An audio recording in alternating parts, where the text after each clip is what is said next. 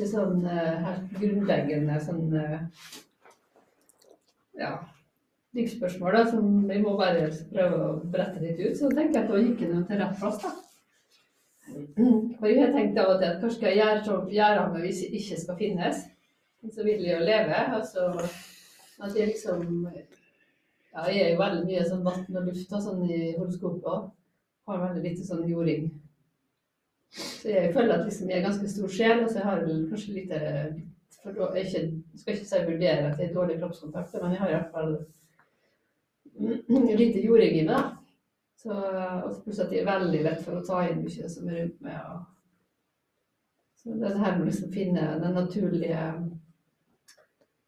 hjemstedet mitt, altså at sjela mi liksom får, eh, bo i kroppen og være, for, liksom, Eva uten å stille spørsmål. Da tenker jeg at liksom bare så enkle, tilsynelatende enkle uh, vet ikke om du kaller det teknikker. Det er, noe, det er en ferdighet som du har på meg i årevis, og det er. Det er da òg. Mm. Til teknikken blir integrert, og så er det en van- vane.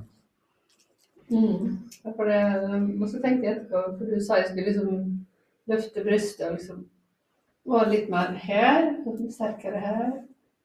Så var det at de skulle hvile blikket på brystkassa di. Og da er det kanskje jo at de skal gjøre det Altså, jeg skal ikke liksom se altfor så tydelig på folk. Jeg skal liksom være litt mer sånn at de ikke hopper over i den andre sin sfære. kan du si. Ja, det er veldig riktig. For det tror jeg at de har lett for at, liksom, at de forsvinner, og så eh, blir det andre litt for eh, blir for uh, usikker for på mange måter. Hva er jeg igjen i forhold til den andre, eller til omgivelsene mine, eller redd for å bli avslørt, liksom. tenker jeg, og jeg, jo Jeg tror at de føler meg usikker. Så jeg jo, når jeg når jeg er for meg sjøl, så tenker jeg at da kan jeg liksom finne tilbake til den jeg er. Og så klart det er jo, Du har jo noen få som du kjenner liksom, der du føler deg trygg. da. Og så tenker jeg jo at jeg har uh, gått lenge i et forhold der liksom det skal liksom forklare overfor hverandre hva vi tenker. og Det var ikke det jeg mente, men jeg mente det. Så tenker jeg men vi kan ikke holde på sånn i årevis. Det er noe med å finne den uh, intuitive måten å være sammen på. Men så tenker jeg at vi skulle jo òg forstå det andre sitt språk. Ja. Tre litt tilbake. Så jeg, kanskje, kanskje jeg er jo litt for å stresse, da. Stresse opp stemninga, liksom. Så, men det er noe med tenker, Hvor mye skal en forstå den andre? Skal en forstå det sånn at de har en partner som sier men du har ikke, har vært med meg på ni måneder. Men ja, men er det så vanskelig, det? Og så tenker jeg nei, jeg tenker, så sier jeg ja, men det er noe kjekt. og Forhold skal jo være sånn at, uh, at vi har lyst til å være i lag. Ja, men du trenger ikke legge noen føringer. Og så tenkte jeg men det er ikke, jeg vil ikke kalle det for det. for jeg kjenner at det er noe det må være grunnleggende i et parforhold at en har lyst til å treffes. Ja, du er inne på veldig mange av de tingene som jeg skriver om i boka. Ja. At det er grunnleggende Hvis, vi, bare, vi bare begynner en plass, da, Gunn. Eh, så Det er ikke et forhold hvis det ikke er lyst. Nei. Og, og hvis du prinsipielt går igjennom det, sånn, det, det her vet jo vi alle sammen, vi er jo forholdsvis voksne alle sammen som sitter her, inkludert Mona. Um, ja, men altså vi, vi, det, det, må være lyst. For lyst er en kjemi. Lyst er dopamin og serotonin. Uh, og det er en kjemisk reaksjon som skjer mellom mennesker. Uh, og Den kan jo utarte seg til seksuell lyst, og den kan jo utarte seg til å bare være lyst i lag. Men den, må, den kjemien må være til stede eh, for at noen skal orke å være i lag. Hvis den har blitt brutt mange ganger, dvs. Si altså jeg har lyst til å være sammen med deg, men så er du komplisert da, når vi skal være sammen. La oss si at det var sånn. så vil den så vil du tappes. Tappes, tappes, tappes, tappes, tappes, tappes, tappes. tappes Til dopamin og serotonin innholdet faktisk slutter å bli produsert. Og da går det over til irritasjon. Da er det jo over på adrenalin og irritasjon og alle de kjemikaliene der, da. Og da er på en måte forholdet over. Og veldig mange de driver i sånne forhold. Og, å holde på med det. Hvis jeg begynner fra starten av med det som jeg snakka litt om i dag, sånn, for du, du, er inne på så mange av de aktuelle temaene, så er det jo sånn at først og fremst for at vi skal gjøre noen ting, og det er jo det, det vi gjør nå, da.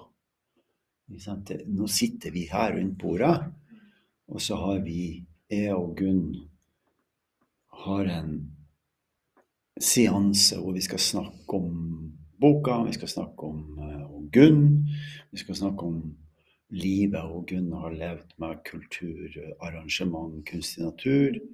Og så intervjuer vi kanskje hverandre. Vi får se hvordan vi gjør det. Det blir som det blir. Men for at det i hele tatt skal være interessant at vi skal være her, for alle oss som er her, så må det jo etableres en god atmosfære. Det må være godt å sitte her. Hvis ikke så har vi jo lyst til å gå. Eller vi lurer på hva gjør vi egentlig her for noe? og, og, veldig altså, Så det er jo det første, den første nøkkelen. Vi må ha lyst, ikke lyst, mener men det må kjennes godt ut. Og da er jo spørsmålet hva er det som gjør at det kjennes godt ut? Og det er jo at du har evnen til å produsere en god atmosfære i deg sjøl, først og fremst. Først og fremst så må du ha evnen til det. Og hvis ikke du har evnen til det, så er det allerede litt halvt. Du kommer inn i et rom, og så tar du med deg arbeidsdagen din, som har kanskje vært litt sånn smårar, irriterende folk, eller noe sånt, og så tar du det med deg hjem og så skal du spise middag sammen med mannen din eller med fruen, eller hva det enn skal for noe.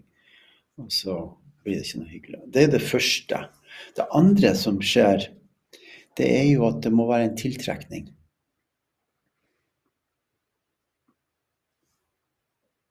Så tiltrekning er samme som affinitet i naturen. Vi sår et frø, også. til en eller annen merkelig grunn så trekker det jo til seg de mineralene og vannene det det skal ha, for at det skal begynne å vokse. Og affinitet i kroppen vår er en følelse. Følelsen av seg selv, eller følelsen av andre. Og for at vi skal få følelsen av oss selv, så er vi nødt for å kjenne etter inni oss hvordan vi har det. Så hvis du spør nå hvordan har du det akkurat nå Spør du meg? Ja. egentlig så, altså, så har jeg det bra, for jeg er veldig glad i livet. Jeg prøver å på fjellet og så på kunsten litt. og så på fargen og Selv om det var grått vær, så det er så mye fint i det små rundt oss nå er jeg pensjonist, ja, og ja, hvor går det med økonomien? Men jeg tenker ja, det er så mye småting rundt oss hele tida som er så jeg, jeg, føler jeg er litt sånn i jorda, da. Uh, uh, at jeg finner kraft. Men du sa et eller annet økonomi, sa du? Ja, det er noen bekymringer, da. Men så ja. det, men det har, ikke sant? Og det er det som er interessant med det her, uh, det er at hvordan vi har det, har ingenting med økonomi å gjøre. Hvordan vi har det, har ingenting med mannen din å gjøre. Eller om de bor i Tyskland eller i Sverige. Hvordan du har det, har ingenting med noen ting som helst å gjøre, annet enn deg selv. Tenk på det. Det har altså ikke med noen andre å gjøre enn deg selv. Og for at for at man skal få til det, så er man nødt til å gå inn og trekke seg inn i seg selv gjennom å kjenne seg selv, altså følelsene sine. Hva, du føler? Hva føler du for noen ting akkurat nå? Eh, når jeg hører liksom slik og Solgunn, og slik så føler jeg egentlig takknemlighet. Ja. Det er en følelse. For slik som jeg har det. Ja. Sjøl om vi bærer på ei livssorg med mannen min. Gratulerer. Men land det takknemlig. Ikke sant? Ikke minst mine. Ja. Familie. Ja, enormt takknemlig. Ja, det er for, og når jeg sier gratulerer, og jeg er jo det ofte, vet du, det er folk som mister mannen sin og kona si, og, og, de tenker 'Jesus, hva er det du mener for noe?' Så det jo Ja, det hørtes rart ut, ikke sant? De andre sier jo 'kondolerer'. Jeg sier 'gratulerer'. Så kan jeg, hva kan det være som gjør at jeg sier gratulerer?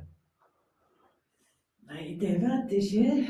Men jeg vil nå si at gjennom den prosessen som jeg har alltid opplevd, da, Mm. så har jeg lært fryktelig mye. Så jeg aldri kommet til å ha ellers, både meg sjøl og andre. Mm. Så jeg har fått et rikere liv, på en måte. Der ser du. Det var det. Så I det, hvert fall den tida han Ja. Det var det tøffeste året jeg har opplevd, men jeg har ikke villet være uten deg. nettopp. For at jeg lærte så mye. Ja.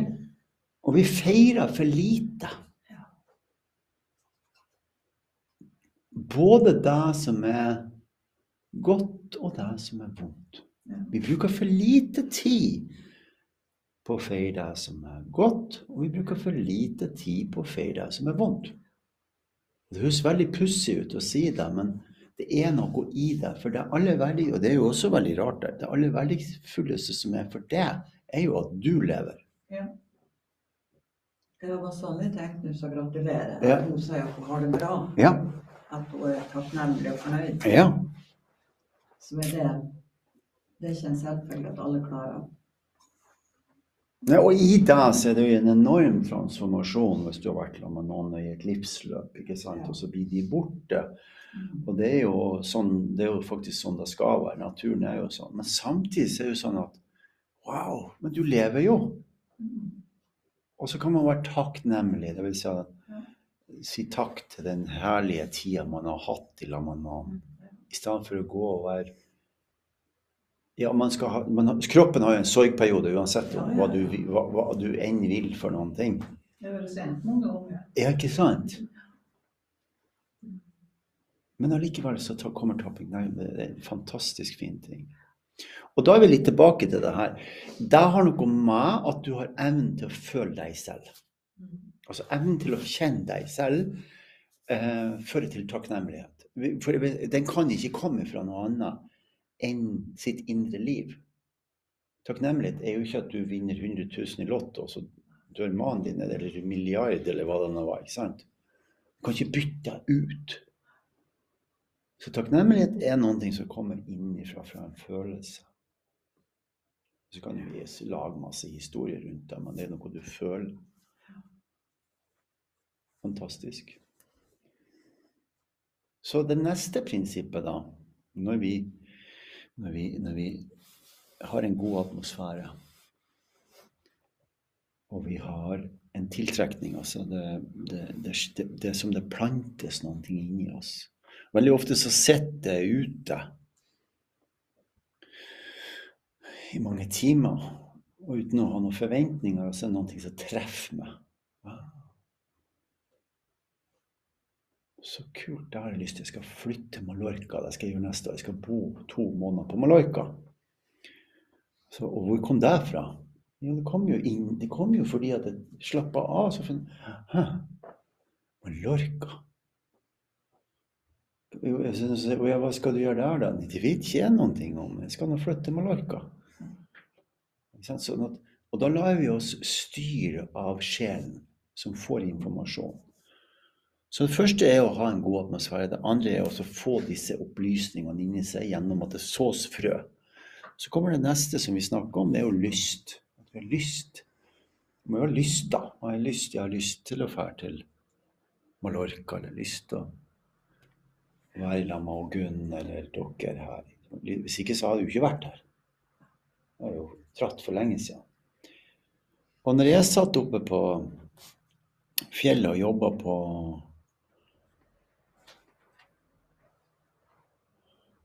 onsdagen på dagen, så hadde jeg jobba med en del folk, og så kom hun Ikke kom hun Gunn, men hun Gunn spilte for dem. Og, og det var særdeles én seanse som var veldig interessant. Det var at det var to stykker som De var kjærester, par, som var um, De var ikke døvstum, men de var Den ene var nesten helt døv, men den andre snakka Eller hørte litt, sånn at hun, hun prata også best. Ja. Ja. Men eh, du må se på munnen deres for at du med, det var tegnspråk dem imellom. Ja. Ja. Mye. veldig fantastisk flott seanse sammen med de vakre, vakre, nydelige mennesker. Og så spilte hun Gunn på gong. Og så spilte hun gong. Og så sang hun, og så spilte hun på en sånn Hva du kaller det? Eh, sånn. Det var veldig sånn vakkert. Ja, Det var litt sånn kalimba eller et eller annet. Ja, et eller annet sånt. Og da så, da, så fikk jeg en ny sånn plante, som, nei, frø som plantes inni meg. Og da kom jeg ned hit, så hadde vi en lang prat øh, mens vi slo i hjel 250 floger inn i rommet her. Så gikk jeg og slo dem, og så, og så ja, ja. Og prata sammen. Løst og fast. Og da fortalte jeg om denne visjonen som jeg fikk, om at jeg og Gunn skal jobbe i lag og skal komme til Oslo. Vi skal ha en retreat, og så skal, vi ha, skal jeg jobbe med folk, og så skal hun ha denne natta da, hvor hun spiller, for hun er så blitt så utrolig flink å spille. Ok? Så det er jo det blir jo da det neste prinsippet, den neste nøkkelen. Etter lyst så kommer det drivkraft. Så det vokser frem noen ting. Hvis dere tenker på det i forholdene deres i livet til alle menneskene, kjærlighet eller andre, eller jobb, så må det være en drivkraft. Hvis ikke, så Du kan ha så mye lyst du vil, men altså, pro, hva heter det fine ordet? Prokrastinering, eller noe sånt. Man får ikke gjort noe. Ja, man går bare se på denne hagen som aldri blir ferdig. Man har veldig lyst, men man får ikke gjort noe. Og så dette dritværet når skodda Ja, skodd og henge så vi får jo ikke komme oss. Ikke sant? Det er alltid noen ting å skylde på. Alltid noen ting å skylde på. Og, og jeg, jeg tror en av de plassene jeg lærte mest ut av det, eh, det var, som jeg skriver om i boka, det var faktisk når at jeg sykla i fjor under koronatida. Jeg tok, kjøpte billett til Paris. Det eneste jeg visste, var at jeg skulle til Paris. Jeg hadde sykkelen i en koffert, jeg pakka den ut. Kom til Paris, så måtte jeg finne ut hvor toget gikk hen. For jeg skulle komme utenfor Lyon en eller annen plass hvor denne Santiago de Compostela-ruta skulle starte. Og da sykla jeg nesten en måned hver dag alene i åtte til ti, ti, tolv timer om dagen. Visste ikke hvor jeg skulle bo. Visste ikke hvor jeg skulle spise eller hvem jeg traff på, eller hvor jeg var han. Jeg skulle bare følge sporene. Og kom da til Santiago de kom på Stella etter ja, tre-fire uker. Og jeg lærte da om dette med drivkraft, og det skriver jeg også om i boka, jeg skriver faktisk om akkurat det jeg snakker om nå, for det er så utrolig interessant, det er Vil jeg være der jeg er, eller vil jeg ikke? Det store spørsmålet du må stille sjøl. Vil jeg være her, eller vil jeg ikke være her? Så jeg kunne komme til plasser hvor jeg, det var så dårlig energi.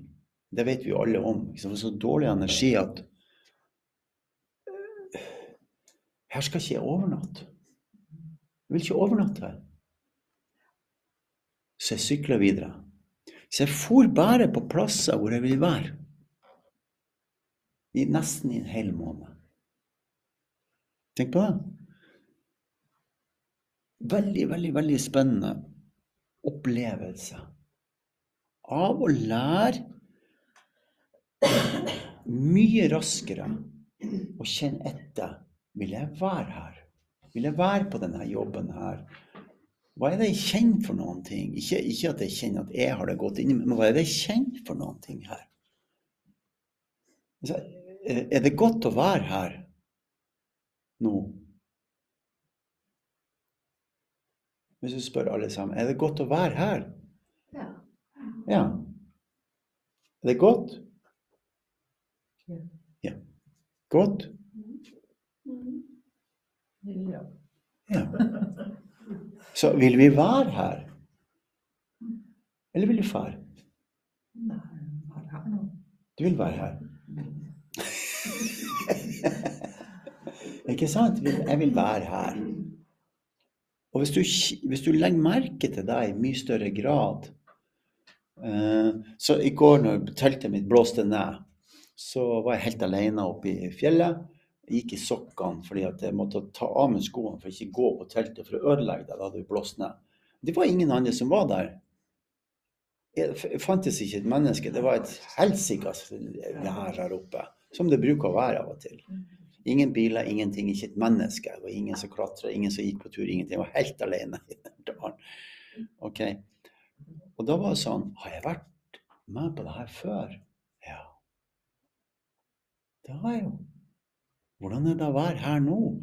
Jo, det er kjempefint. Det er spennende å ta ned dette teltet som har blåst ned. I sokkene, gjennomvåt, istedenfor å ha lyst til å stikke av. Og det er den, den nøkkelen der er ekstremt viktig. Du mister mannen din, ikke sant? Det er tungt, det er tøft, alt det der. Det skal jo være det når man har delt energi i mange år. Men så er det driven i oss, da, ikke sant? Skal vi fortsette? Ja, vi skal fortsette. Skal vi gå videre? Ja, klart vi skal gå videre. Eller skal du sette deg ned og visne? Nei, det skal du ikke.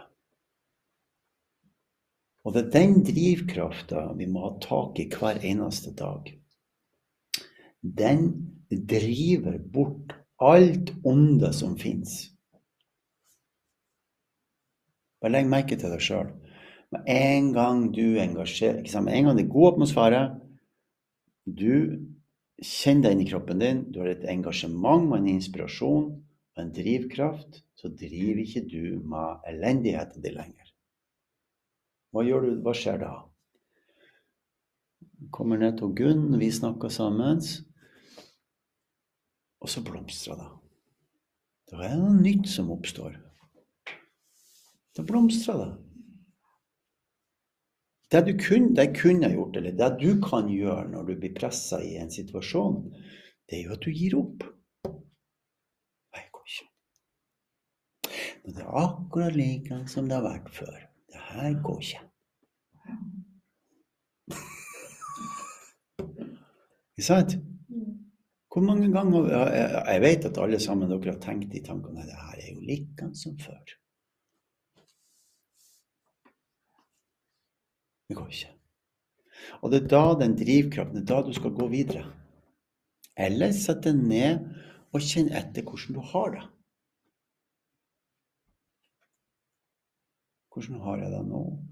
Ok, jeg har det vanskelig. Fint Vær sammen med deg som er vanskelig. Hvordan har jeg det nå? Nå har det gått over. Ok, Hva kan jeg gjøre da? Nå kan jeg gå ut og klippe plenen. ja. ja. Og jeg sier det til alle de som jeg hjelper. Hvis dere bare kan ta tak i en liten ting, så kommer drivkraften tilbake også. Og så er du i gang igjen. Resten er sorg. Det er en slags sorg. Unødvendig sorg. Og det har du ikke tid til i livet ditt. For du, hvert sekund som tikker, så kommer vi nærmere grava. Hvert sekund. Vi er ferdig her nå om en stund. Er to timer nærmere grava. Ja. Så jeg har ikke tid lenger til å ikke være glad. Jeg har ikke tid til å elske mennesker. Jeg har ikke tid lenger til å ikke være sammen med folk og gjøre det jeg skal. Jeg har ikke tid. Jeg har faktisk ikke tid til å sitte sammen med folk som er sur. Da sier jeg tusen takk for maten, ha det bra, vi ses. Det ikke noe, for det har ikke noe med meg å gjøre. Så det er drivkraften. Det neste som skjer, det er jo når vi blomstrer. Det er fint, det blomstrer, vi har det kjempefint. Vi skaper nye ting, og Gunn skal komme til Oslo.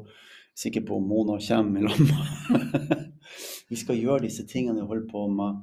Jeg skal reise til Kragerø i kveld. Jeg har en hel uke i Kragerø på en, på en uh, sånn kulturting der i hele uka. Gleder meg som bare det. Lik. Mm. Ja, ikke sant, det ser du.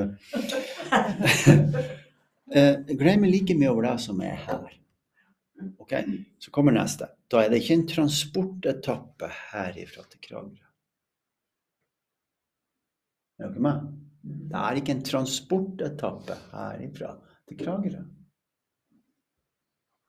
Det er like morsomt å sitte i bilen og kjøre som å være her nå. Så stoppa jeg, og så overnatta jeg på, i skogen eller fjellet eller hva, jeg vet ikke hvor jeg slår opp teltet en plass. Det er like artig som å være her nå. Hvordan kan det være sånn? Ja, hvis du får vondt i foten eller i ryggen eller Ja, noe, så er du det ikke sier jeg. du da underveis. Gratulerer, Fader, nå er du så gammel, så nå kjenner du det. Ja. Nei. Tenkte du over det Nei, jeg blir ikke gammel. Å nei. Jo, det får jeg håpe du blir. Ja, men det blir ikke gammelt inni her. Nei, men hvis du kjenner smerte, da. Det er noe slags tegn på at du Knirka litt. Ja, knirka litt, og så Smerte er bare en eh, Jeg har tinnitus. Alvorlig tinnitus. Ja. Alvorlig tinnitus. Ja, hvordan klarer du å takle det? Eh, Det er da at jeg fokuserer på det som er hyggelig, ikke på tinnitusen. Hvis jeg tenker på det nå, Ja, så så piper det inn i ørene mine. Når jeg legger meg om kvelden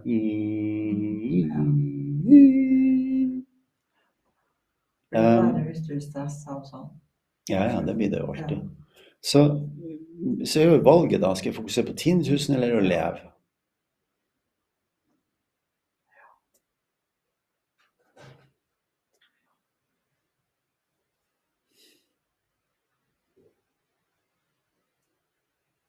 Ja, og svaret er Leve. Ja, ikke sant? Skal du fokusere på han som er død, eller skal du fokusere på deg selv? Selvfølgelig. Men vi kan være takknemlige for det. Nettopp. Så det neste som skjer da, prinsipielt sett, som jeg skriver om i boka, det er neste nøkkelen etter det blomstrer, det er jo at essensen kommer ut. ikke sant? Blomsteren, blomsterstøv, så kommer bia. Det her kan dere jo fra naturfagtimer når dere var unge. ikke sant? Så kommer byer, og så er det blomstring. Og så farer den videre, ikke sant. Og så da kommer vi til essensen av oss sjøl. Og det er det dere må få tak i. Dere må få tak i musikken som spiller inni deg. Aldri la musikken som spilles inni deg, dø. Hva slags musikk er det du spiller?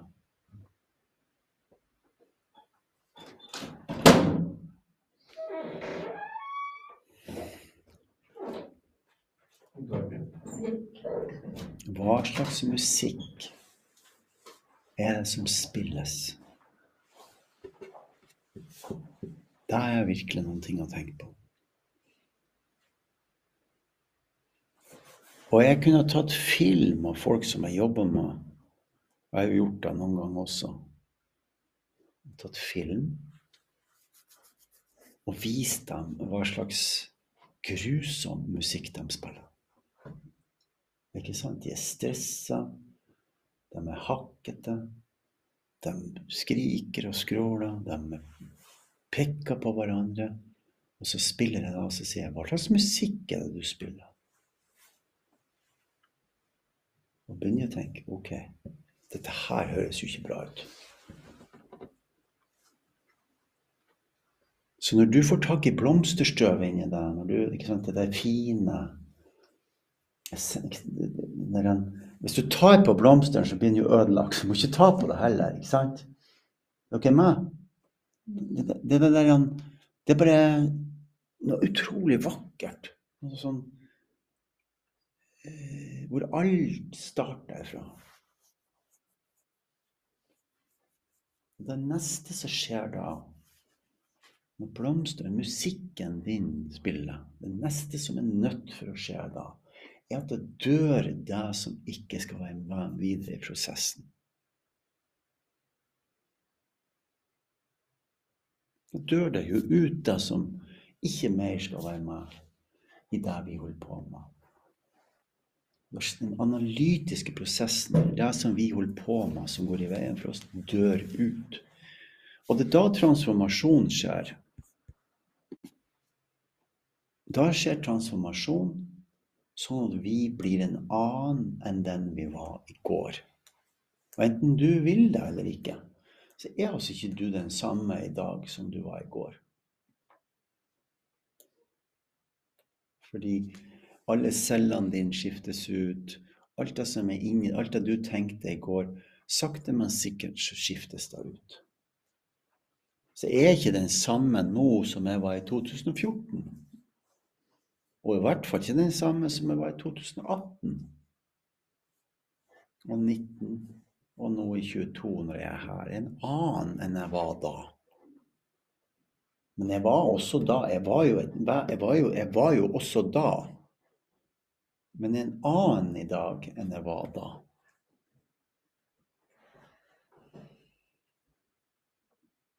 Og da kommer siste nøkkelen, den niende nøkkelen, da, som jeg skriver i boka, som er selve fornyelsen av oss. At vi ser sjøl, opplever fornyelsen av oss selv. Så dere står opp i morgen tidlig, så tenker dere over hvordan det er å være der du er, akkurat der du er, som ikke har noen ting med gårsdagen å gjøre. Så kan du begynne på nytt. Hver gang sola står opp, så begynner du på nytt. Og sånn er denne prosessen i naturen, sånn er den i menneskene, sånn er den de årene jeg satt og studerte blåbær, og jeg satt og så på blåbær hver eneste morgen i fire år, fra våren til høsten. Sånn at når du, ikke dere som bor så nært naturen her, dere er jo oppe i naturen hele tida. Det er kjempeviktig at dere tar dere tid til å studere den. Hvordan er det bekken renner? Hvorfor renner ikke bekken oppover? Har dere spurt om det noen gang? Hvorfor renner den nedover? Hvorfor detter alt sammen nedover? Hvorfor vokser grantreet oppover? Er som tenker på det noen gang? Hvorfor får bekken nedover, grantreet oppover?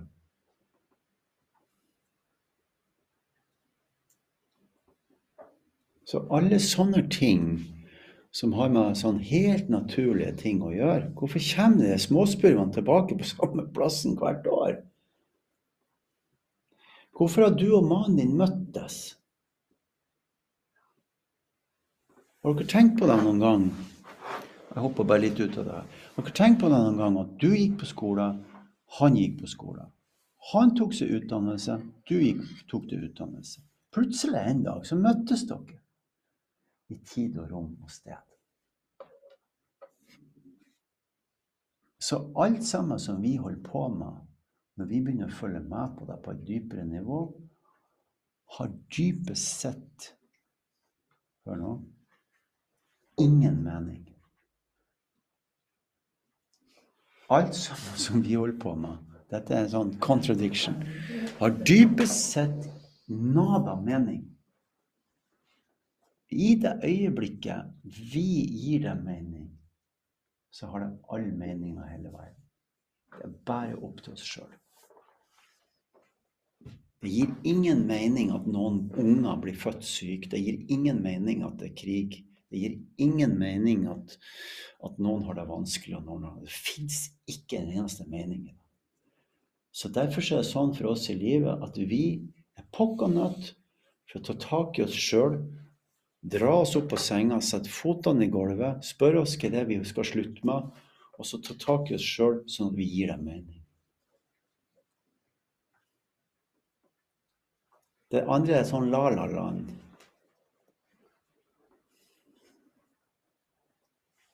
Det er jo ikke noe mening at han plutselig dør. Hva er meningen med det? Det er ikke mening i det. Du skulle dødd samtidig, akkurat samtidig. Dun, dun. Så det vi gjør, det er at vi gir livet vårt mening. Så det var kort oppsummert nøklene i eh, Nå ble det sånn vi tok tak i det. Så skal vi skifte tema. Skal vi strekke oss lite grann? Vi strekker oss.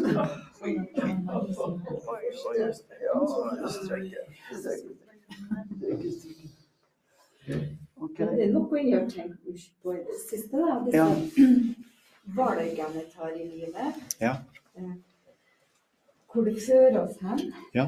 eh, valg som bare blir tatt tilfeldig, da, eller spontant. Det er det som gjør at vi er i min familie er Det er sånne valg Ja, og det er jo et utrolig filosofisk spørsmål å spille seg. Har du noe valg? Har du tenkt på det noen gang? Har, har vi noe valg? Egentlig?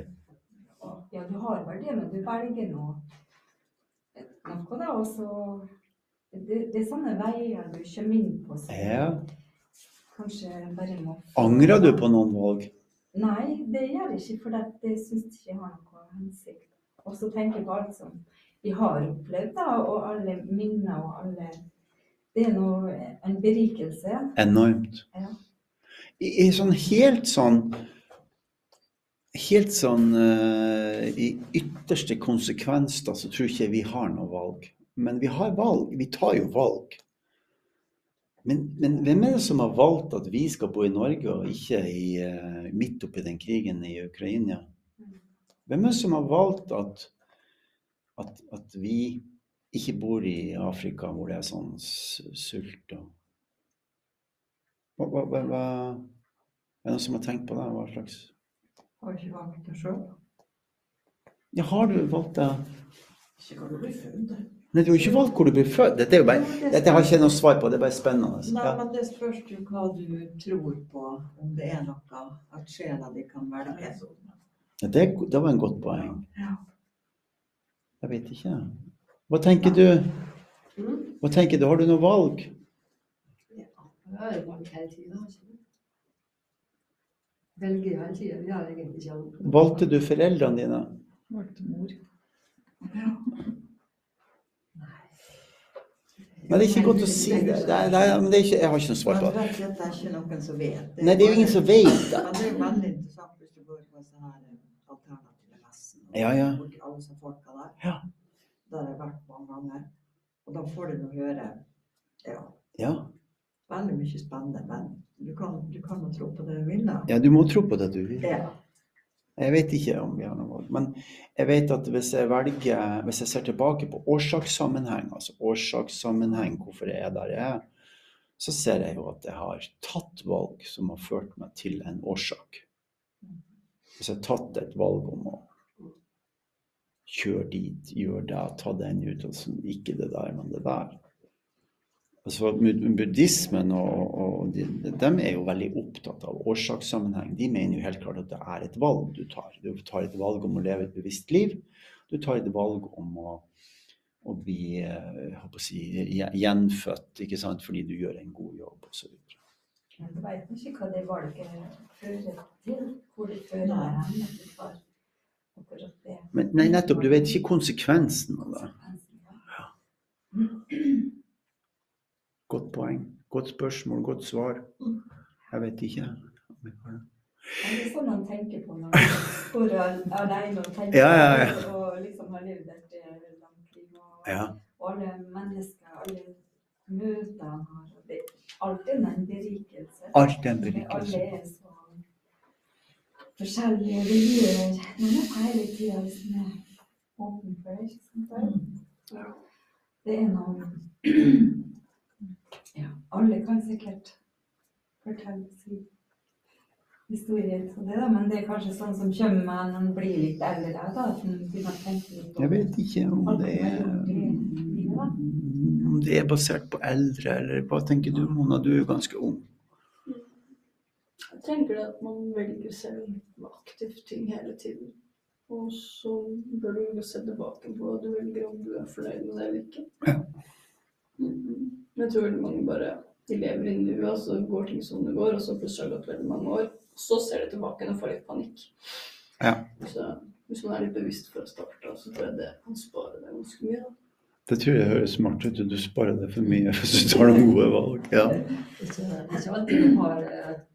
Nei, det der ser du. Der.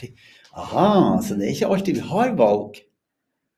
Så det er veldig- Det er sånn med menneskelighet og sånne ting, så eh, har du egentlig ikke alltid valg i familie og søsken og sånne ting. Og du er oppdratt, du har også en rolle i oppveksten og Jeg føler kanskje det er vanskelig å, å gå ut av et mønster eh, som du eh, har med deg fra du barndommen og Ja.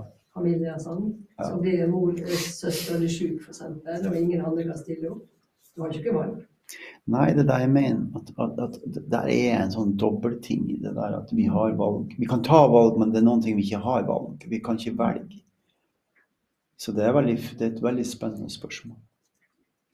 Og det er ikke alltid nødvendigvis det er bra for en sjøl å ta det valget. Jeg Nei, ikke sant? søster som eh, krefter, og hun eh, Jeg måtte ha stilt opp eh, Ja. sju år, og jeg sleit meg totalt ut. Ja. så måtte jeg tenke på meg sjøl. Ja. Jeg har hatt samme episoden i, jeg har sett mange ganger i familier hvor, hvor jeg, ja, kanskje kona blir sykepleier for mannen, eller omvendt. eller Søstera til ikke sant? Man tar på seg det ansvaret, og så blir man slutt. Så er det to som blir utslitt og dårlig istedenfor én. Så det er ikke godt å si. hva- Høflige valg også. Ja, ja, ja. Tar eh, sånn folkeskikk eh, Folkeskikkvalg, ja. mhm. Som eh, Jeg har ikke tenkt om jeg har gjort det. Jeg kunne egentlig gjort noe annet. Så det er jo litt sånn dilemma av og til. Mm. Men jeg tenkte litt på det med takknemlighet. En annen plass der jeg snakker om takknemlighet. At det er veldig viktig, og det er veldig viktig. Kanskje viktigst av alt. Men tilgivelse er kanskje, Ja. kanskje enda viktigere. Ja. Hvis ikke du tilgir, så, går bæ- så bærer du det med deg. Så de to Altså, livet er en prosess. Ja. Det er he hele livet er en prosess. Ja. Og det er utvikling. Livets skole sa de før i tida så enkelt, ikke sant? Du går livets skole. Men uh, tilgivelse, det syns jeg er veldig viktig. For du kan ikke bli glad. Du sier at du kan være glad og happy. Og er noen du ikke er tilgitt. Det er noen som Ja, ja. du, du, Ja, ja. ikke er forlikt med. Du er ikke forlikt med. Ja, forlikt meg, det er viktig å være forlikt på veien Ja. din gjennom livet. Ja. Ikke skape unødvendige splitt. Ja, det er enig Så på en eller annen måte få bli forlikt og, og tilgi. Hva Jesus sa da? Altså, Nei, jeg- jeg tilgir, jeg tilgir det, men eh, det det er litt sånn på kanten, syns jeg. egentlig. Eller tilgir det, for du veit ikke bedre. Ja. Så du kan faktisk tilgi noe som Nei, du vet faktisk eh, Du forstår ikke. Du, du evner ikke å forstå det. Så da må jeg bare tilgi det. Jeg kan ikke si at du er dum eller teit eller noe. Du må, du må faktisk tilgi, og så må du gå derifra i fred selv. Ja. Sant? Det er jo fantastisk sagt. Ja. Jeg liker det. Ja, ja. Jeg tror det er veldig viktig. Jeg tenkte på å tilgi seg sjøl i problemet med et par ting. Ja. Eller ting, det er ikke ting, det er hendelser. Ja, men det, det å gjøre det. Ja, det kan være sånn sentralt lenge. Jeg har en venninne som var sammen med et år, og så, og så hun skulle dø da, og hadde kreft, og så ville hun ikke Hun har liksom ikke tenkt det. da. Og så kom hun på et sånt sykehus der så kom en fyr og skulle spille lyre og liksom eh, lage god stemning. Liksom. Så sa hun bare til meg da, nå går du hjem, sa hun. Det var liksom sånn strengt, og så døde hun neste dag. Men så tenkte jeg kunne gjort noe annet, liksom. og ja, det er liksom sånn eh, Det tar tid å slippe det. Sånn eh, Ja. Nei, men da kan hende at Ikke sikkert det kunne vært, Ja. vært noe for henne i den natta. Eller hun, sa, hun bare sa «Nå 'Går du hjem?' Så, og så gjorde hun bare Men da, kanskje hun, da fikk hun kanskje være alene med seg sjøl. Vent litt nå. Jeg, skal, si, noe jæklig smart. Er det? Ja. Så du har et mønster som holder på med ting over lang tid. ja. Ja. Hun har ikke sagt noe annet enn at du skal gå hjem. Mm. Det er. Virkeligheten. Ja. Og så har du konstruert den virkeligheten til noe annet. Mm. Så du suger på tommelen, Mm. på lidelsen, Ja. Ja. noen ting inni deg. Okay. Det du kan gjøre gjennom tilgivelse eller gjennom takknemlighet Mm. overfor deg selv og livet ditt, er å flytte inn i velvære. Og med en gang vi flytter inn i velvære, så vil vi se på situasjonen annerledes. Hun sa jo at, hun sa jo at jeg skulle dra hjem, for hun ville at jeg skulle dra hjem. Kanskje hun hadde lyst til å dø i fred. Kanskje hun hadde lyst til å høre på musikken alene. Kanskje hun skulle på do. Kanskje det var derfor. Hun måtte på do. Hun ville ikke at du skulle være der når hun skulle på do. Kanskje hun ville spy. men Hun ville ikke at du skulle være der. Skjønner du? Så, og, og, og, mens, mens vi er så Vi har mønster i oss som holder på så mye med sånne opparbeide gamle ting som vi har lært at vi skal suge på tommelen på. Og så sier jeg at dette er jo helt grusomt å høre, men jeg sier det allikevel. Det har ikke noe med ditt liv å gjøre at hun dør. Nei. Det er hennes liv. Mm. Du. Og, så, og det er det vi gjør. Så når vi tar på oss disse her tingene her, så dør vi sakte, men sikkert sjøl. Det har ikke vi tid til. Vi er ikke kommet hit for å dø. Vi har kommet hit for å dø når vi dør. Vi har kommet hit for å leve. Ja. 1000 hele tida.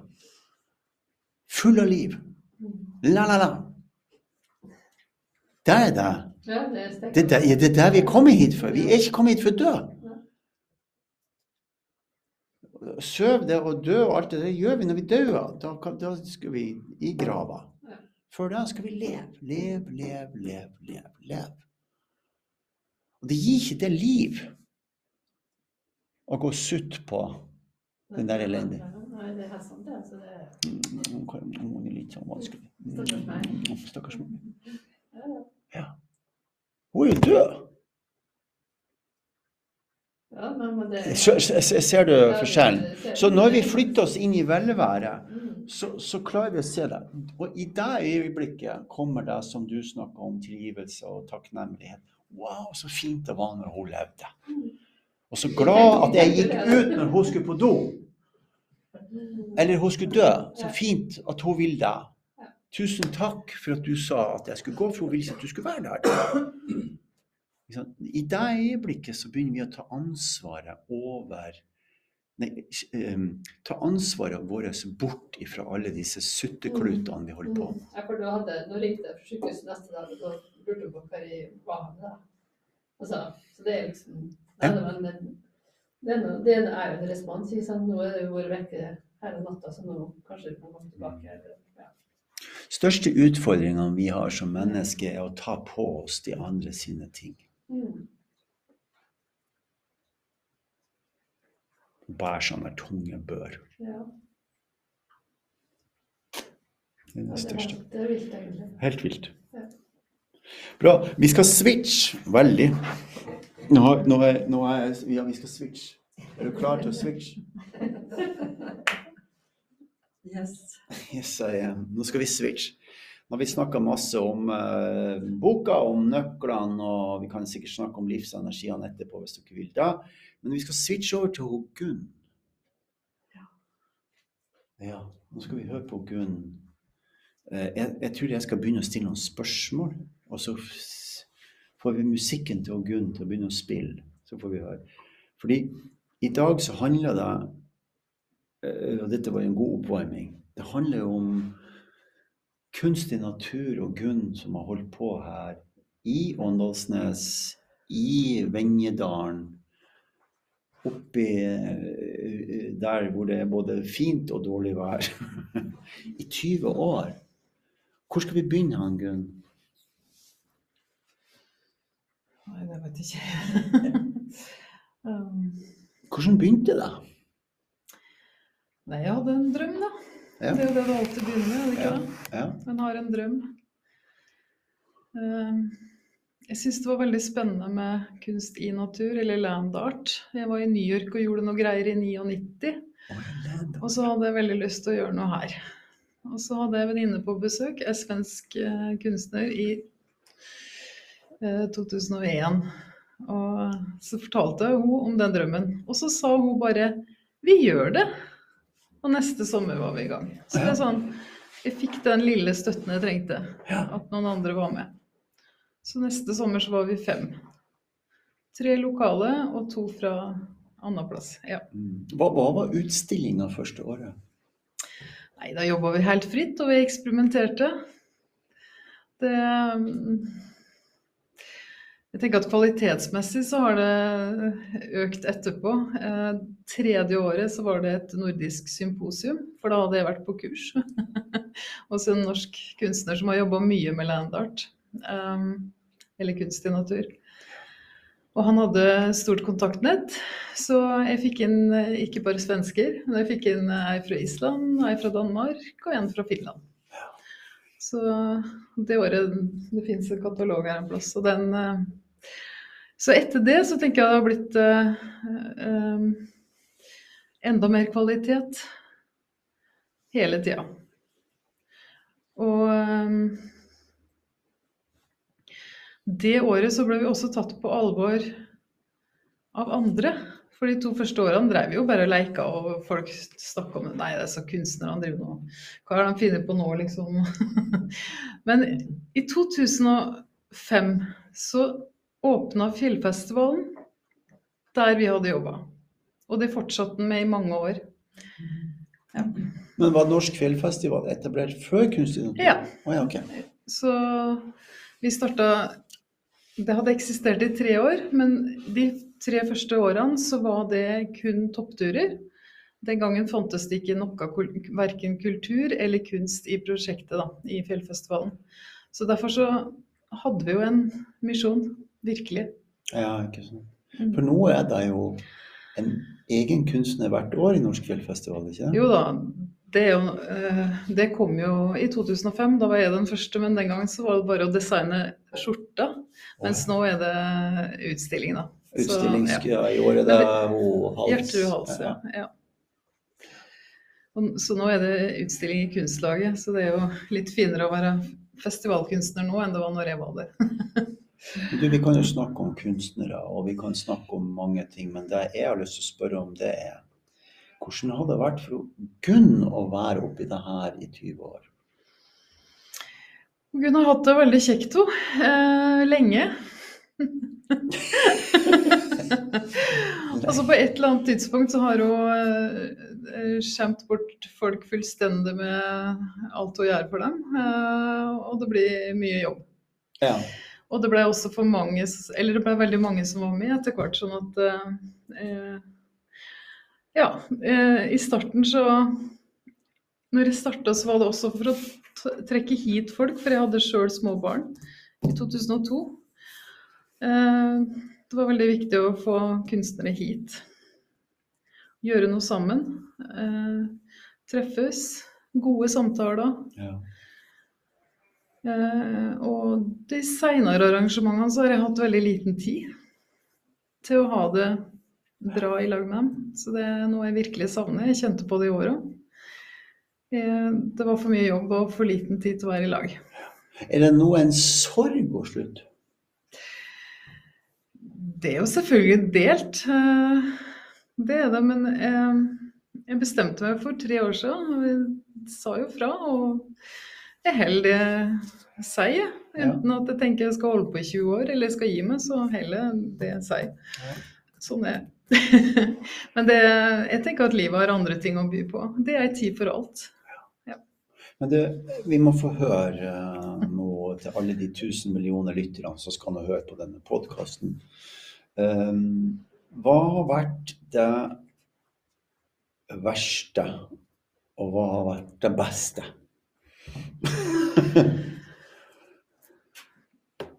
Det beste er møter med mennesker og eh, masse læring. Masse, masse læring. Jeg har lært så mye om både mennesker og kunst, og om fjellet, naturen. Ja. Eh, Det verste er vanskelig å finne. Men eh, ja. Eh,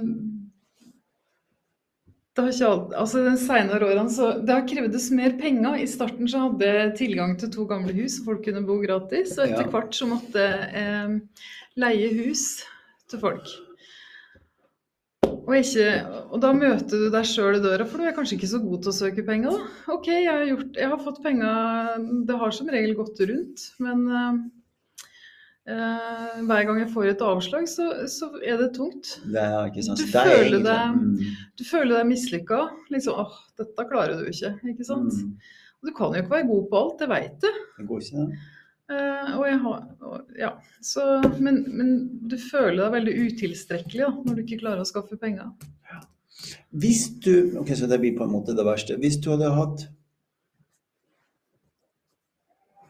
Vi som sitter her nå, vi spytter i masse penger. La oss si vi gjorde det. Bare for å bruke det som en metafor. Du fikk så mye penger du vil Mm. av oss som sitter her. Hva ville du gjort? Hvis dere ønska at prosjektet skulle fortsette, Ja, så hadde jeg gjort det. Men da hadde jeg også fått med meg noen Da, da måtte det være så mye penger at jeg kunne faktisk betale noen for å være med og jobbe og hjelpe meg. Ja, så du ville hatt noen ansatte? Ja, eller i hvert fall ha noen til å være med og jobbe. Ja. Ja. For jeg innser også det at, jeg, at det er for mye jobb på én. Altså Mm. det, den innsatsen jeg har gjort, det er for mer enn én person Ja, nettopp. hele tida. Liksom. Og, og, og hva vil du ha hente inn andre typer kunstnere? Tja, det, jeg må få tenke litt på det. Og vet du hva, jeg er typen som må sove på ting, så det er vanskelig for meg å svare på dette her akkurat nå. Ja, ja, ja. Men det, ja, så herlig. Ja. Men du, Neida, vi, men, vi, vi, vi kan la den ligge. Ja, men eh, Um, klart det kunne fortsatt. Ja. eh, Hvis, jeg, hvis økonomi ikke var et nei, problem. for økonomi, jeg skjønner at det er det verste. det er faktisk det som gir meg vondt i magen. Det er Ja. ikke noe av det andre. Nei, nei, Det er økonomien. Det var egentlig det. Jeg, jeg så jo den, Ja. eh, bare for alle tusen millioner lytterne, jeg så jo reportasjen din på NRK hvor du sa dette, så jeg var litt sånn ledende spørsmål. da. Men så det er egentlig det som gjør det. Men han prøvde veldig hardt å, å lage et problem ut av det. Jeg Ja. stoppa jo fyren og sa det at vet du hva, jeg har hatt det så kjekt. Det har Yes. skjedd så mye bra. Men han skulle liksom gni det inn, da, Ja. akkurat det der. der. Men da har vi gnidd det litt inn her nå, vi òg. Så da skal vi gå videre. Ja. Gode på å gni deg inn, vi sammen her, gjengen. Så det som er nå, vi lurer på, hva skal du gjøre nå, Gunn Morsdal? Ja. Eh, jeg har lyst til å jobbe mer med egen kunst. Og hva er egen kunst? Det kan være både det jeg skaper med hendene, men også f.eks. å spille, bruke Ja. Jeg er veldig glad i å lage lydbad eller gongbad, eller Men også jobbe med å bruke hele meg i det. Ja.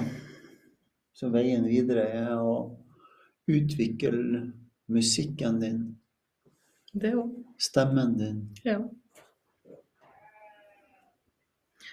Det òg bestemte jeg meg for tre år siden. Så fantastisk. Dere har jo sett hun Gunn i- opp gjennom årene. Hva har dere å si til det her som vi har vært med på nå i 20 år? Er det noe dere har lyst til å trekke fram? Jeg tenker sånn umiddelbart uh, ord fargerik. Det har vært fargerik, ja. Ja, Og ja. det har vært fargerikt. Fargerike bilder. Eh, Det å skapt til våre eh, litt sånn uskyldige ting, syns jeg, som har med mennesker å gjøre. Og det er fargerikt framstilt. Det er bare sånn Ja, ja, ja, ja men det, er flott, da. Ja. Og du? Jeg husker det for lenge, det må jo være tidlig. Når det var kunstig natur. Det var jo sånn liv på grøtta her, sant? med langbord ute. og Det var sikkert da det var så mye folk. Det var jo liksom Det var mens vi hadde det kjekt. Ja, ja, ja. Hold, på den der. Jeg skal bare, bare hold på den der litt. Ja, ikke sant? Naturvernforbundet ja. Innsatsen din. Det, det var da i 1980. Jeg har holdt på med det hele tida, vet du. Men jeg, Ja, Å, sier du det? ja, da, vi bodde hjemme, ja, da var ei lita gruppe, og der var nå du Trives motor. eh, Og veldig engasjert og, og veldig kreativt. Så Takk. ja. Det er Flott, da. Ja. Jeg vil nå si det at jeg, jeg tror Gunnar er altfor beskjeden og kommer altfor lite fram i Nisjøen. Ja. Det er så mange Nisjøen som nesten ikke vet hva Gunn er, og jeg synes det er Det har gått glipp av noe. Det har gått glipp av noen ting. Jeg synes det. Nei, men jeg har ikke så veldig behov for å stikke meg fram. Nei, men jeg tenker er på det andre har gått glipp Jo, av men noe. det- da. Det er liksom Ja, ja. ja. Men det er jo dem om det. Det er også et problem. Liksom, Jeg skulle ønske at mange flere kjente til hva du har drevet med, hva du har gjort.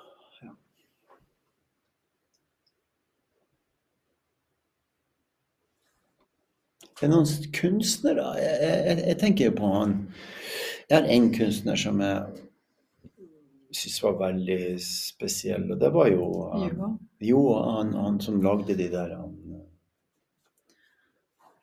Juha fra Finland, han eh, lagde sjamantrommer, Ja. blant annet. Ja. Men så var det en til en, og det var en som hadde en hund hjemme. Og jeg tror han var fra Hellas. Å ja, Jorgos. Ja. Byparken.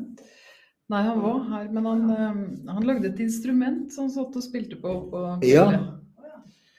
Eh, Han var trekunstner, da, eller er trekunstner. ja. Ja. Veldig spesielt møte. Er det noen andre som husker noen? Nei, Jeg husker en ting fra Politisfjellet. Det var, det var tidlig, og jeg aner ikke hvem som laga det, men jeg var så imponert. og jeg ta Det hjemme. Det var når alle vi som gikk på Politisfjellet, bar med oss en sånn flagg. Ok, ja. Og så skulle vi bare sette det et vilkårlig plass på Politisfjellet. Ja. Og da var Likkjefjellet liksom fullt av legemiddelhøye bergstikk omtrent med sånne vimpler på bortover. Det var så flott, altså. Var det aller, aller første året? Ja, det spørs om det var det. Tror, tror faktisk det, for det altså, har han blåst i luer. ja. Hvem som blåste lur? Mu- Musikeren vår. Å, ja, ja, ja. Han blåste i lur. Og så da skrall det i fjellet, sant? og så samtidig så gikk det et steinsprang i trollveggen. Så Stein P. Åsheim ble helt sånn Oi, nå trolske krefter, nå til og med går det et ras. Ja, Og så alt dette artig. skjedde på en gang. Ja, der ser du. Ja, samstemt. Så artig. Ja, det, var, det har jo vært veldig mange gode minner og veldig mange bra ting som har skjedd. Og bra, mye god kunst. Det er jo masse kunstnere man kunne trekke fram. Jeg traff han eh,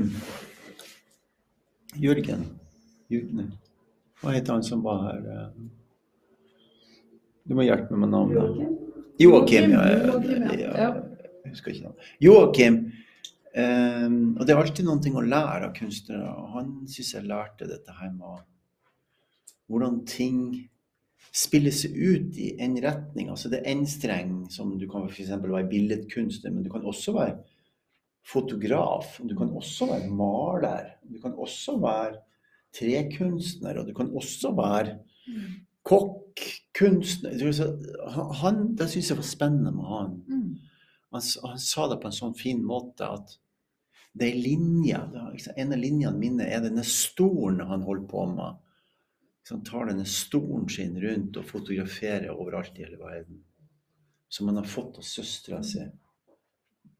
Tenk deg for et prosjekt, da. Du har en, en stol. Ja. ja, så kjører du rundt med den, og så tar du bilde av den. Så det er én linje. Men han, han var jo kunstner på mange måter. Søstera døde jo på slutten av 80-tallet, Ja. så han arva jo den stolen. Ja. Og han har sittet på den i atelieret i over 30 år og brukt den når han jobba. Eh, og han var også lærling hos søstera. Hun var keramiker. Ja. Så det var veldig så tette bånd der. Det er en veldig vakker, eh, Vakker ja, historie. Vakker historie. Mm. Ja, Og- og- og med på noen stolen nå, vet du. Når han har reist rundt. Ja. Det tror Ja, jeg. Ja, eller i hvert fall Ja. Det, mm. Og det er veldig spennende. og Tenk deg Ok, så der driver de med Han drev med en stol. ja. Det er fantastisk. Han var spennende kunstner. OK, er det noen som er, har noen flere mer på hjertet? Denne koselige podkaststunden vår? Er det noen som har noe å si til Gunn? Vi har jo vært på kulturskolen i Vagunn, da. Ja. Ikke så mange turer til fjellet, men vi var nå forrige uke, da. Så det var liksom spennende liksom, blikket liksom går litt rundt. Og jeg hadde den lista, men jeg ja, jeg kan bare gå og se ser noe. Liksom. Så, ja, det, det, det, hva. Så det begynner liksom Det vekker noe sanser. Det er noe- det er noe det som skjer. At det, at det skjer noe mer enn Du treffer noen sauer, og du treffer noen og insekter og Mm. trær og måser og lyng. Og det er jo en eller annen sånn stegring liksom, i bevisstheten din som liksom gjør at du liksom, våkner litt mer opp. da. Så, så er jeg veldig glad for eh, at jeg fikk være elev på kulturskolen et par runder. da. Det er noe uvurderlig, det. da. Så, eh, ja, hvor, hvor du kan se folk, hva det er liksom i hvilken prosess som skal vekkes opp, liksom. Så det er nå en Jeg prøver å se hver ene. Ja. Så Der, de er. Ja. Jeg det tenker nå sånn som vi snakket om i stad. Det er jo- Det er jo liksom prosjektledere for Hist og piss, men du kunne jo liksom fått en, en bedre eh, rolle, et bedre utgangspunkt liksom, til å jobbe med det du skal. Liksom, det er litt sånn litt merkverdig. Men du kanskje, som du sier, du har ikke så stort behov for å stikke det fram, men det er kanskje andre som skulle ha ja, gitt deg meg en mulighet, kan du si, til å ikke tenke så mye på det praktiske og økonomiske, og at du kunne liksom nyte det mer, når kunstneriske Jeg er enig. Mm. Enig i det. Det har en tendens til å bli sånn med, Mm. med de som har stålvilje og gründerevne, og Mm. at de går på og holder på alene. Og, Mm. ja, og ser at man spør folk om ting, og så er det litt uh, Er man godhjerta, som Gunn, da, ikke sant? så vil man ikke mase for mye, for det kan det heller gjøre det sjøl. Og så til slutt så gjør man alt sjøl. Men eh, Jeg må også nevne den nydelige maten og Gunnar er helt utrolig. Alle på gruppa var jo helt sånn overgitt. da. Det var så nydelig mat. eh. Og samme da, om det var vegetar eller eh, laktosefritt eller med kjøtt eller hva det var. Og at du klarte å trylle det det lille kjøkkenet. da. Det er helt utrolig. Og sånn, og sånn, Ja. sånn ja, hvis det var der du har lagd det, da. Kanskje catering fra Voldsgård, ikke sant? Det vet vi jo ikke. Nei, men eh, det ligger mye i det. Servicen og godheten og ordninga som du holder på med. Men eh, nå er jo ikke dette her en begravelse. Ikke sant? Dette er jo veldig gøy. Det har vært en fantastisk tid. Jeg, jeg har lyst til å si takk til deg, Gunn, fordi at du eh, Altså, vi har på en måte oppdaga hverandre, da. Og det er veldig fint. Og så er vi to personer sammen som sier at når vi skal gjøre noe, så gjør vi det. Eh, Jeg vet at når du sier noe, at du skal gjøre noe, så gjør du det. Og du vet at når jeg sier jeg skal gjøre noe, så gjør jeg det. Jeg kommer når jeg skal og gjør det jeg skal, og du kommer når du skal og gjør det du skal. Så det som jeg syns er veldig veldig spennende, er jo de siste syv årene hvor du har utviklet gang, musikk. Men det som jeg syns er veldig spennende nå, det var det jeg opplevde på fjellet, det er stemmen din. Ja. Og den tenker jeg, den bærer uansett uh, hvor du er hen. Og, og det er jo det som blir spennende å se videre nå, hvor du tar med deg musikken og stemmen din. Og jeg er i hvert fall helt klar på det at uh, jeg skal hjelpe deg, for du hjelper meg.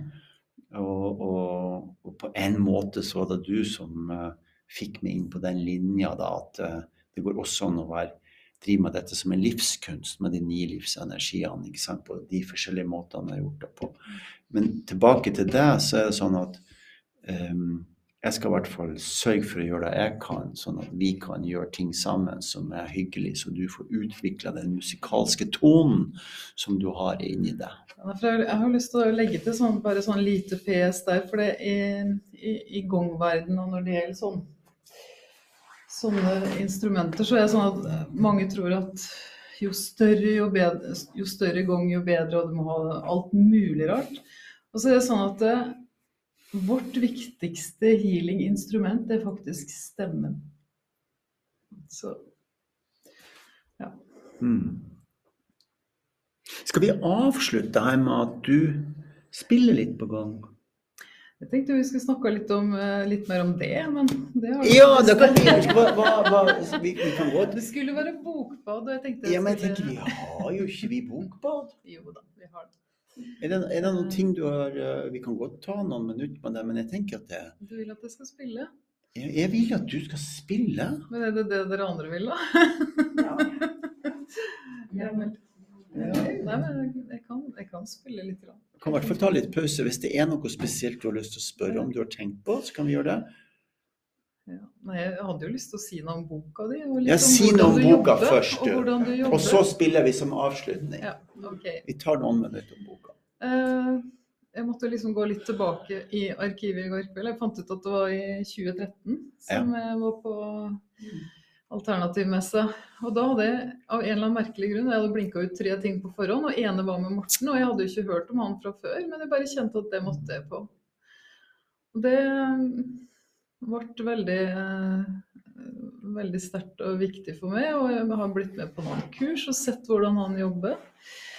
Og det som også slår meg, jeg har vært på så mye alternative kurs, jeg har tatt diverse utdanninger. eh, og som regel så er det jo en eller annen som har De har liksom et, et kart, og sånn er, ser verden ut. Mens Morten, han har eh, på kurs, så, så har han lært så mye av oss og sugd til seg. Og alt det der har han sammenfatta i boka.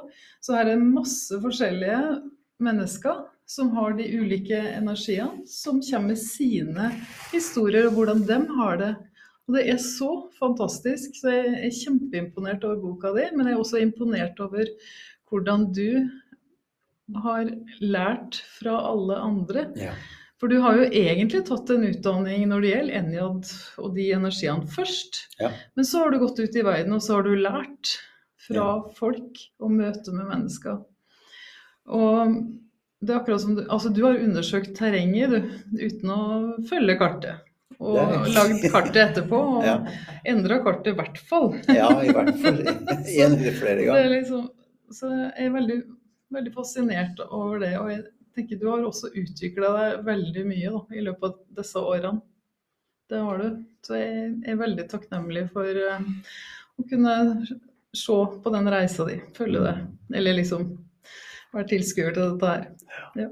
Men der tenker jeg det som du tror jeg sa i stad, det med at du- ser prosesser, du ser hvor folk er hen, du forstår hvor de og hva de trenger, syns jeg jeg opplever med deg, Gunn, som et ekstremt talent du har. altså.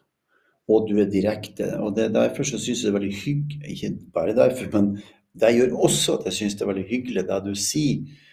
Fordi at jeg vet at du har sett uh, mitt strev og min karakter som har vært rar av og til. Ja, ja. For the good og- and for the band, yes. Yes, for good den for band. Og at det har gått jeg holdt på å si, likere etter hvert. Jeg bare ser at du har utvikla deg veldig mye. eh, Og den boka er fantastisk. Jeg kan si, litt, si, si noen ting om det der, at det er jo en gammel teknikk å lese bøker og gå på kurs og ta sertifisering. Det er noen noe som veldig mange driver med.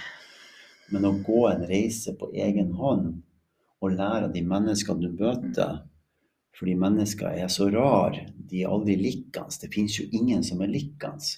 Så jeg sa det før i dag òg, å jeg lære lite grann hele tida av alle sammen.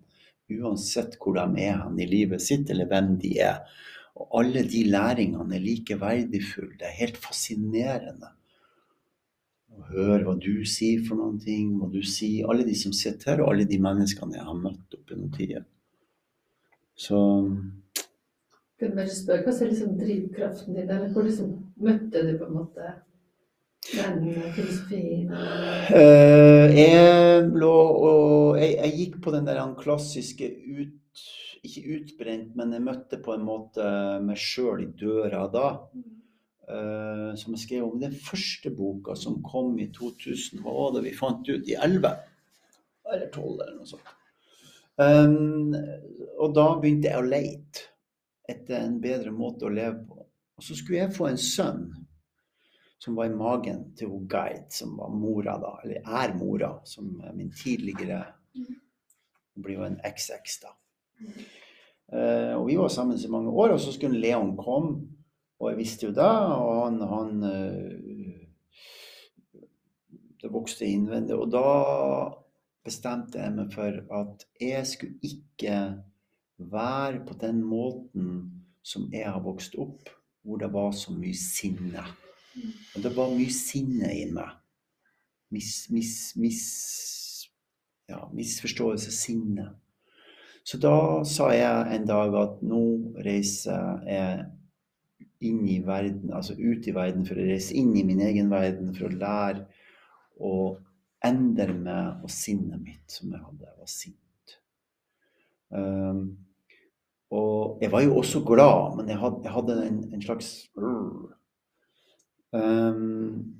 Og da reiste jeg, og så begynte jeg, og da er vi i 2000 og Eller det begynte i 99-2000. Og så reiste jeg ut i verden. Så gikk jeg på, til lærerne mine, som jeg lærte om det her. Og så satt jeg jo ute i skogen i fire år for å relære meg. Det var jo den perioden jeg traff og bodde ute i skogen i en camping i fire år. Og gikk ut i skogen og mediterte og kikka på blåbær og tente bål istedenfor å dra på jobb. Så det var begynnelsen. Og så har det jo vært, som Gunn sier, da, å lære av de jeg møter. og Derfor så har jeg ikke så lyst til å sitte på én plass lenger. Jeg har lyst til å være ute i verden og møte folk.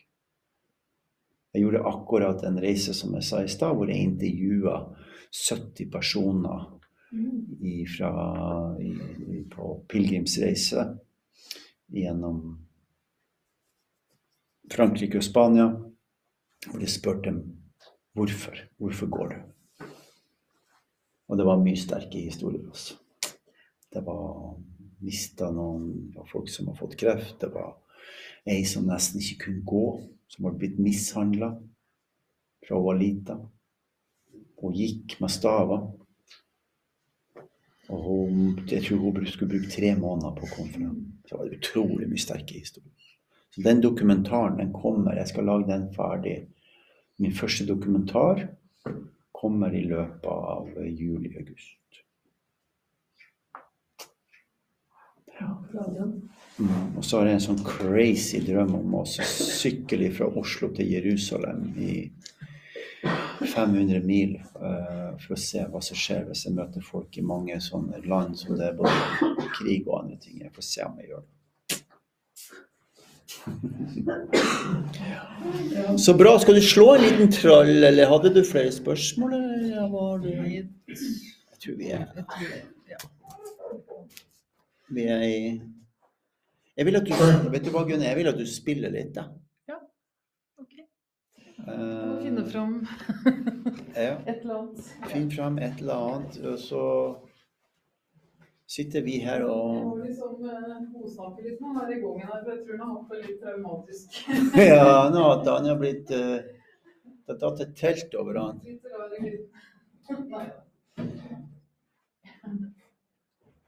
Så bra. Veldig, veldig fint.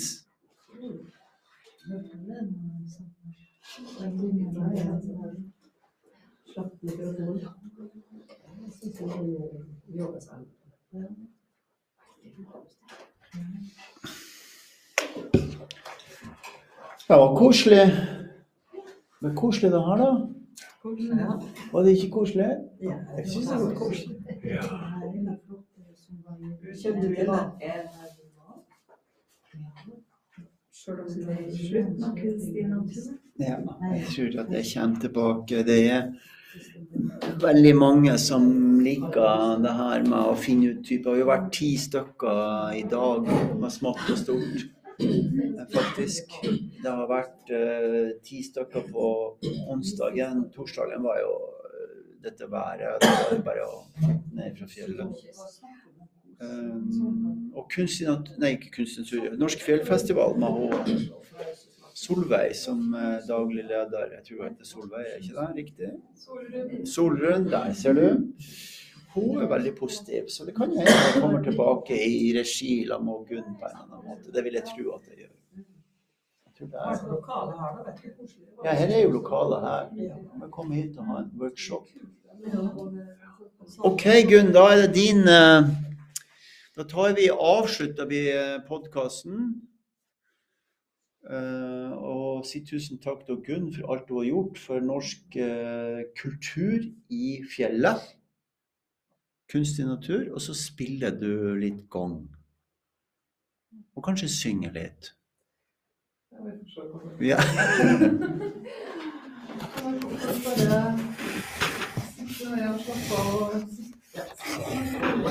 ja, kanskje, lukke øynene, eller jeg jeg vet ikke hva som er mest behagelig for akkurat det. Og, og det er litt sant at jeg må godsnakke litt med gangen, for den, den var litt rar i lyden i dag. jeg, vet ikke, jeg vet ikke helt hva det er for, men vi prøver.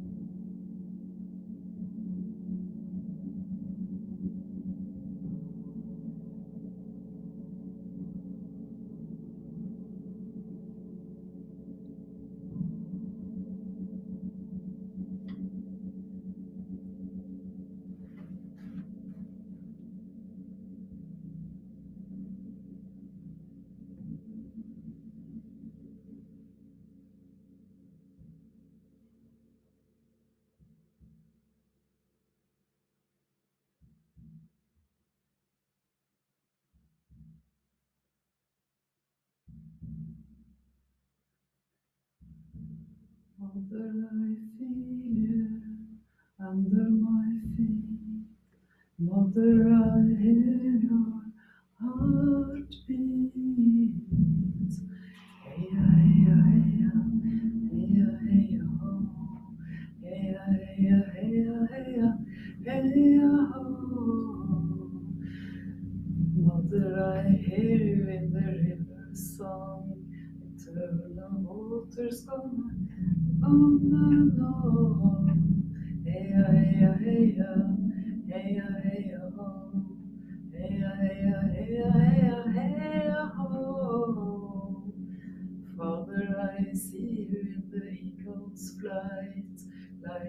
the Spirit's gonna take us higher.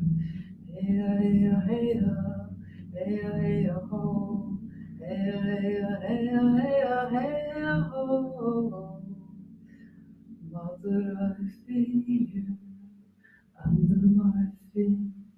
Mother, I hear your heartbeat. Hey, hey, hey, hey.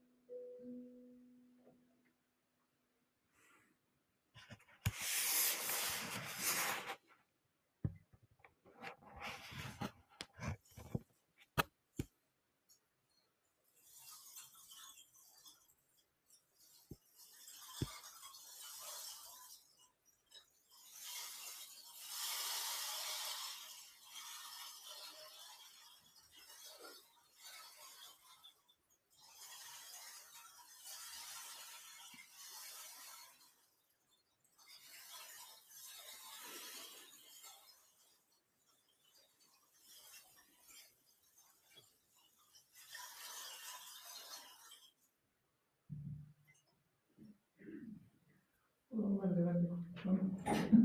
Mhm. Oh,